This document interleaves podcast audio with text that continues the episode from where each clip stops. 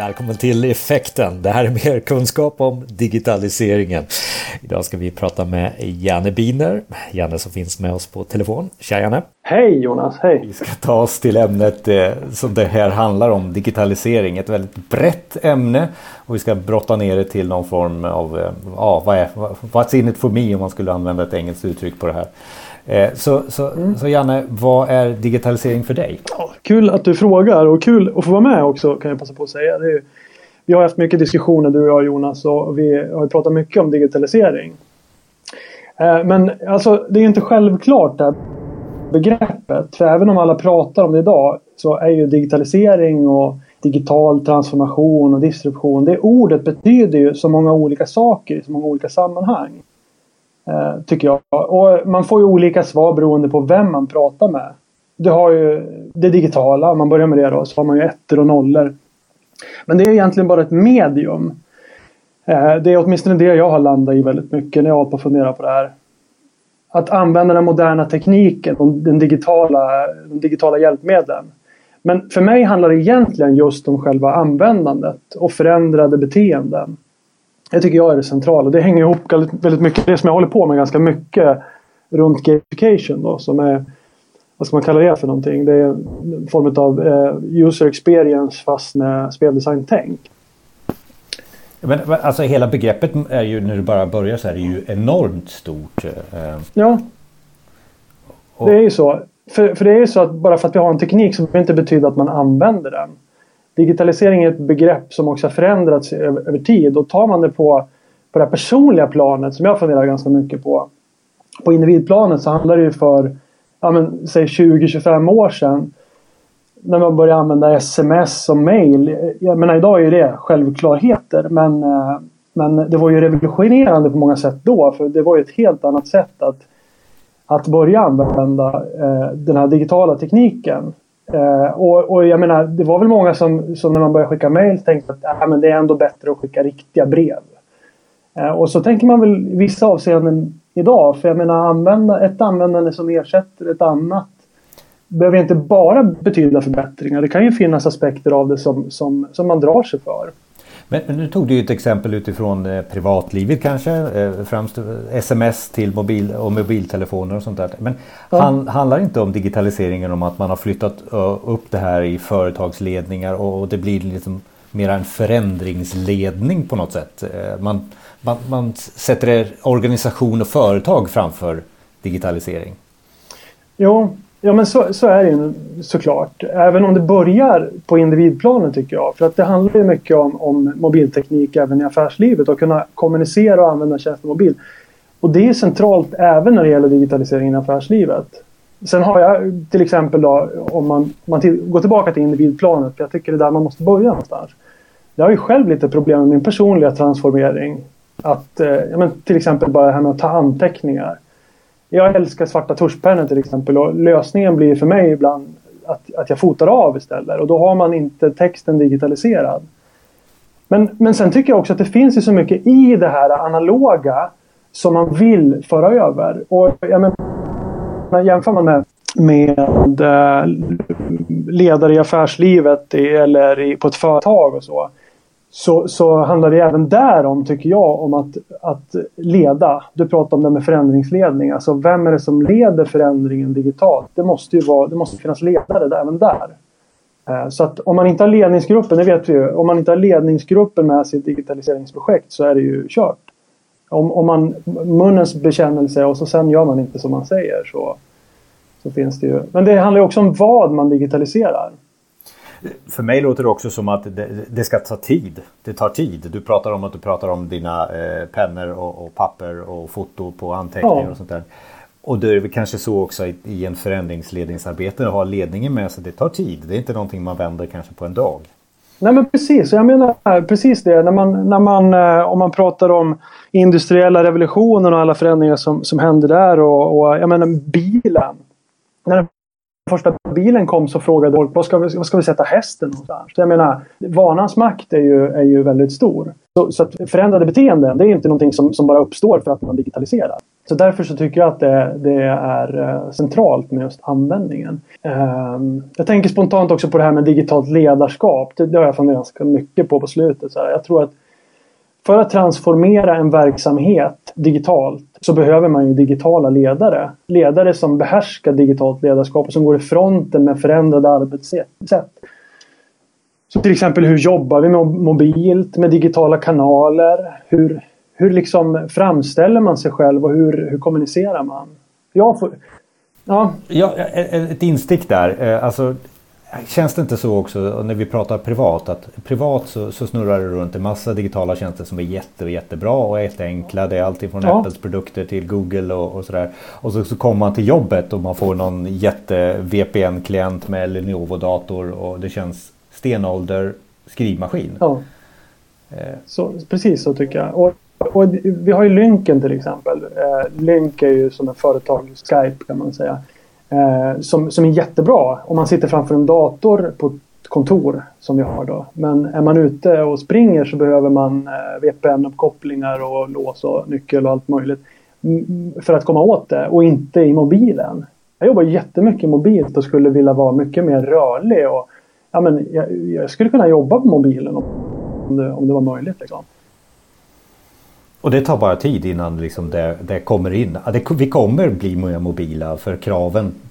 Ja. Det är inte bara du som har det kravet utan alla har ju det kravet att bli mer mobila. Och då kommer vi komma dit. Och där är digitalisering. Det handlar om vem som springer snabbast i det här racet. Ja, och det är såklart lättare om man är, om man är mindre. Liksom. Om man är ett litet lokalt företag så är det lättare att ta beslut att nu kör vi Facebook som, eh, som system eller nu kör vi det. Eh, vi jobbar i en ganska stor organisation du och jag eh, Jonas. Så, och där är det ju lite svårare och har man dessutom en fransk ledning så kan det vara så kan det vara ännu hårdare. Jag vet inte. Ja, ja precis. men, men, vem gör det här bra idag då? Eh, vi behöver inte ta oss själva som exempel men, men vem, vem Har du några sådana här, ja. det här är wow?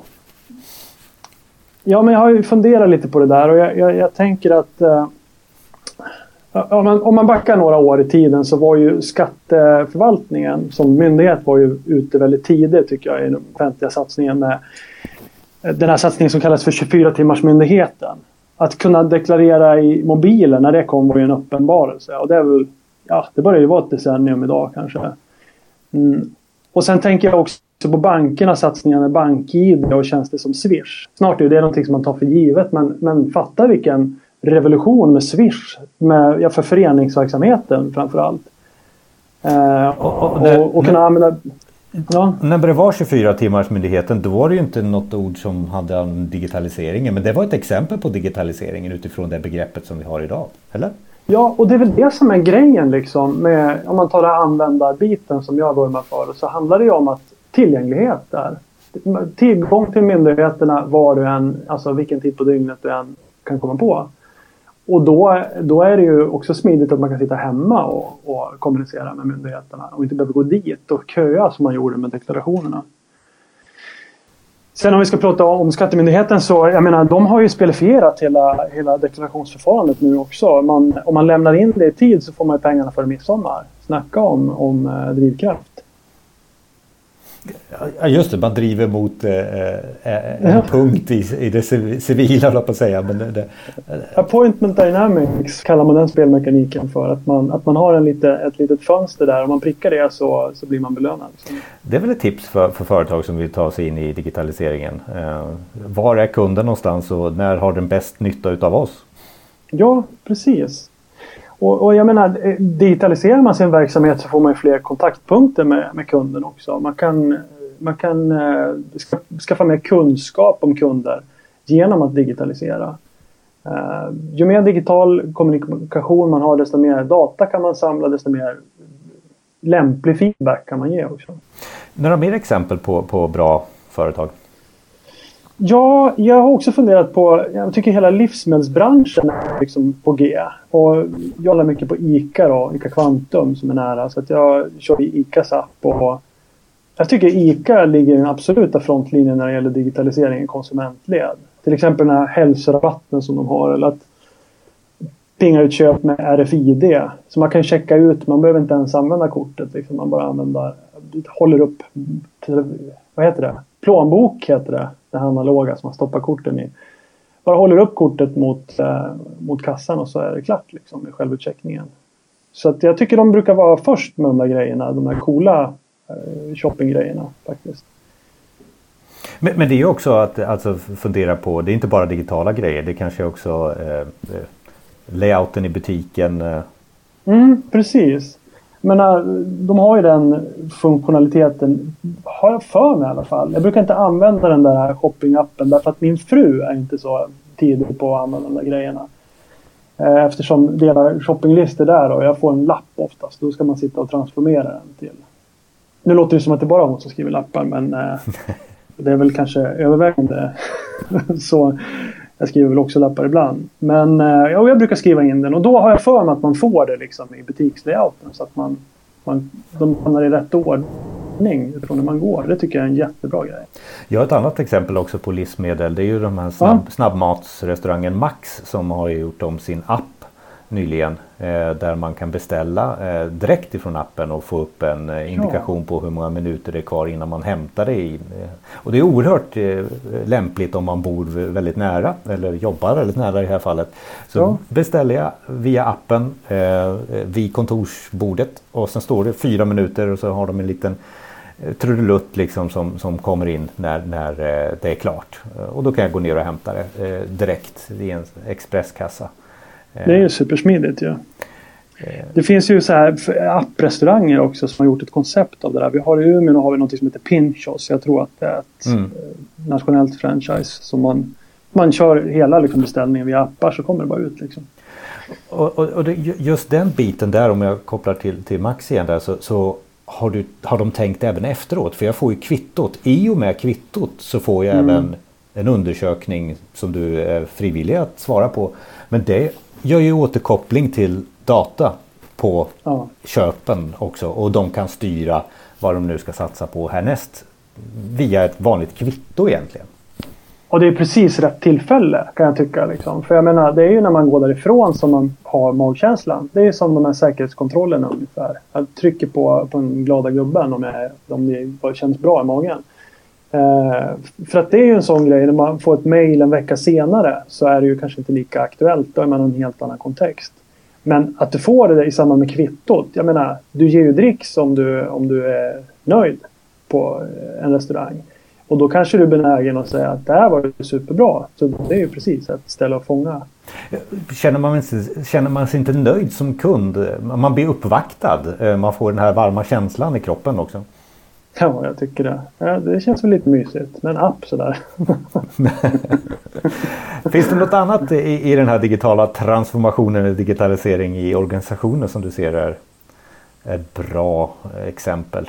Ja, jag är ju in, ja precis. Jag funderar mycket på, på ledarskap just nu. Då. Digitalt ledarskap och det här med att, eh, ja men vi pratar om lynken till exempel, där man kan se om folk är aktiva eller inte och så.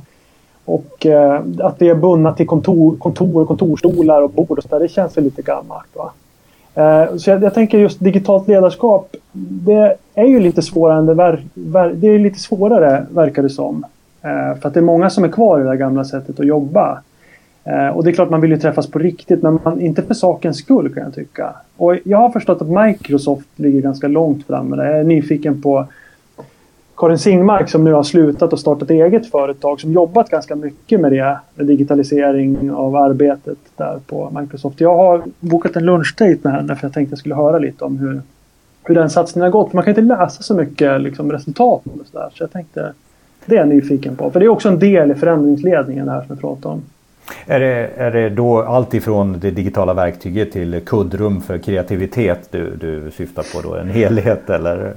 Eh, ja, jag, jag, tror det. Och så att lite vända på, på skutan. Man pratar om platta organisationer, man pratar om nätverkande organisationer. Och eh, jag menar, att kunna använda det digitala stödet. Det är framförallt det digitala stödet jag tänker på nu. Liksom. Att vara mobil. Att jobba mobilt är ju någonting som jag pratat om, om länge. Men sen så sitter vi ändå på kontor på kontorstolen där man kanske är minst effektiv. Um, speciellt om man, om man jobbar som jag på, på resande fot så, så vill man gärna kunna liksom vara mobil när man, när man må, faktiskt måste det. Uh, och kunna liksom ha en bra dialog med, med, med ledare och med, med, medarbetare och sånt ändå. Så det där är... Och just där är handlar det ju om, vad är effekten utav allting det här? Man kan ju säga mm. att det, ordet digitalisering i sig ska vi inte använda längre utan det kan vara något helt annat. Just nu är det modordet men det handlar ju om att vara någon form av effektiv både på personlig plan och organisationsplan. Eh, men hur gör man då, om vi använder ordet digitalisering, hur gör man för att lyckas med digitaliseringen? Ja, eh, precis. Hur gör man då? För, för jag menar digitalisering, det är ju någonting annat idag. Eh, om vi pratar om transformation och disruption som betyder förändring, det betyder alltså störa invanda mönster. Sådär.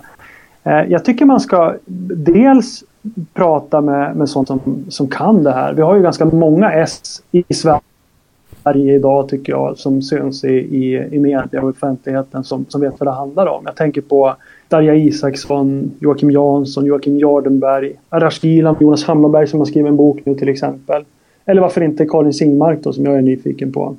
Och sen också titta på andra, hur har andra gjort? Och inte bara i den egna världen. Jag är ju inne och nosar en del i skolans värld. Jag är väldigt, brinner väldigt mycket för för lärandet och eh, skolan som trasigt system eh, som jag tycker måste lagas. Då. Gamification skulle kunna vara en grej. Men där, där har jag två exempel. Jag, nyss så, så faciliterade jag en, eh, en konferens i, ehm, i Skellefteå som heter Aktuell skolpolitik och där lyssnade jag på eh, gymnasiedirektören i Malmö som heter Edvard Jensinger. Han är han är eh, aktiv och bloggar mycket om, om sitt förändringsarbete inom skolan. Då, där, han, eh, där han tycker att man ska, man ska ställa krav på IT-avdelningen. Att det, det, är de som ska rätta sig efter våra behov och användande. Precis som det jag är inne på.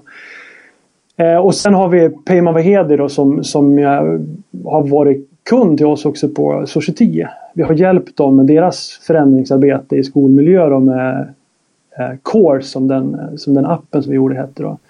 Eh, Peyman han, han eh, stoltserar lite med, med att, eh, att han eh, jobbar med civil olydnad som en förutsättning för digital transformation.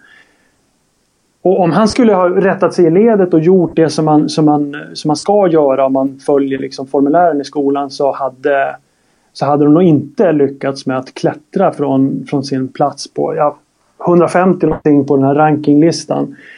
SKL har någon lista och det finns någon annan eh, lista för, för hur många som de tar igenom i gymnasieutbildning. Och så eh, till topp 10.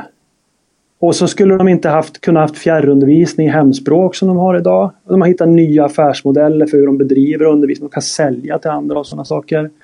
Eh, och framförallt nya modeller för att engagera. De har jättenöjda medarbetare. Och de bara gör och kör och frågar inte om tillåtelse utan de bryter först mot lagen och sen blir de pionjärer och vägvisare och får priser. Jag, ty jag tycker det är häftigt med de exemplen vilken bransch de än är. Liksom.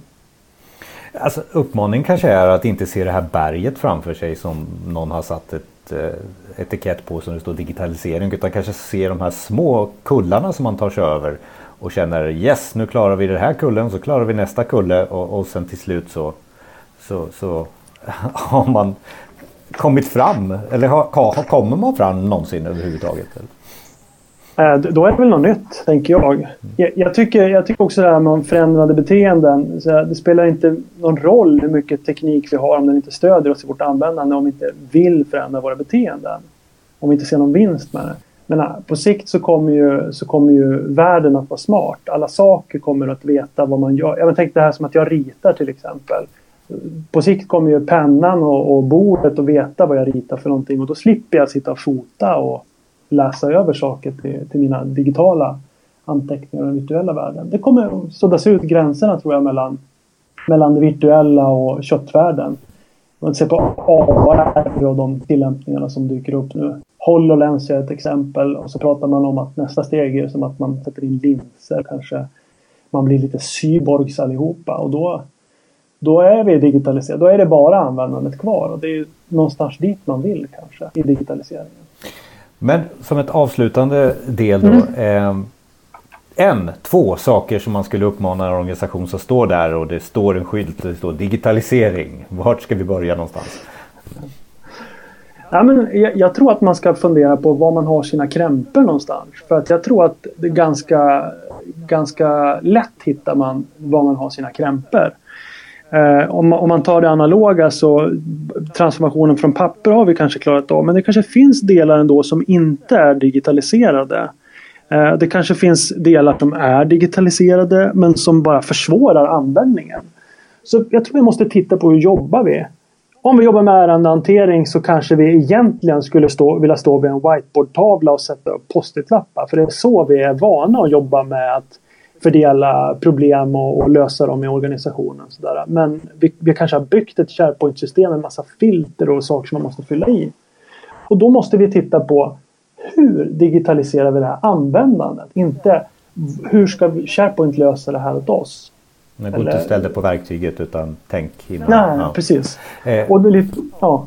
är det också eh, att sitta med kund eh, om man har sådana. Det har väl de flesta. Men alltså eh, och prata 360 grader med kund. Va, vad vill du? Va, när träffar vi dig? Va, vad gör det ont när du träffar oss? Kan vi göra det bättre? Ja, man kan göra workshops med, med experter och ledare i, i verksamheten. Jag tänker gå och stå med de som jobbar i verksamheten. Hur ser det ut nere på golvet eller var man nu är ute och, och säljer eller kör taxi eller och så vidare. Eller vad det nu är för verksamhet vi pratar om i skolan. Till exempel, hur, hur vill man kommunicera med, med föräldrar? Hur vill, man, eh, hur vill man att eleverna ska, ska kunna jobba med sina läxor och så vidare? Vad det nu är för verksamheter vi pratar om som vi ska digitalisera så är det användandet vi ska designa runt. Inte utifrån verktygen. Nu har vi det här verktyget för det har vi det har vi upphandlat så nu är vi tvungna att använda det. Eller den här lösningen verkar bra för den har funkat för någon annan. Utan titta på den faktiska kontexten. Gå och stå och inte bara sitt med, med kunderna och användarna. Vad ska vi åstadkomma? Tänk sen på hur du åstadkommer det. Ja, tack Jonas. Eh, Janne, du har också en egen podcast eh, gällande gamification. Vad, vad tar du upp där? Där pratar vi mycket om drivkrafter. Och vi pratar också om spelmekaniker kopplade till drivkrafter. Vi pratar också lite om hur, eh, hur företag och myndigheter gör för att spelifiera sin verksamhet. Så vi pratar både om aktuella exempel och vi pratar också om begreppet som sådant. Gamification är ju ett, eh, har ju varit ett lite tajpat modord kan man ju säga. Men för mig är det ju the matrix of life lite grann. Eh, Kort då så, så tänker jag att liksom allt som vi gör handlar ju om, om ge och få feedback. Eh, det handlar om våra drivkrafter, vad, vad, som får oss att göra vissa saker. Vad är det som triggar mig att vilja eh, använda ett system till exempel. Så, så lite så. Och det här är båda stora ämnen, gamification och digitalisering och vi lär nog återkomma till det här i eh, våran podcast med god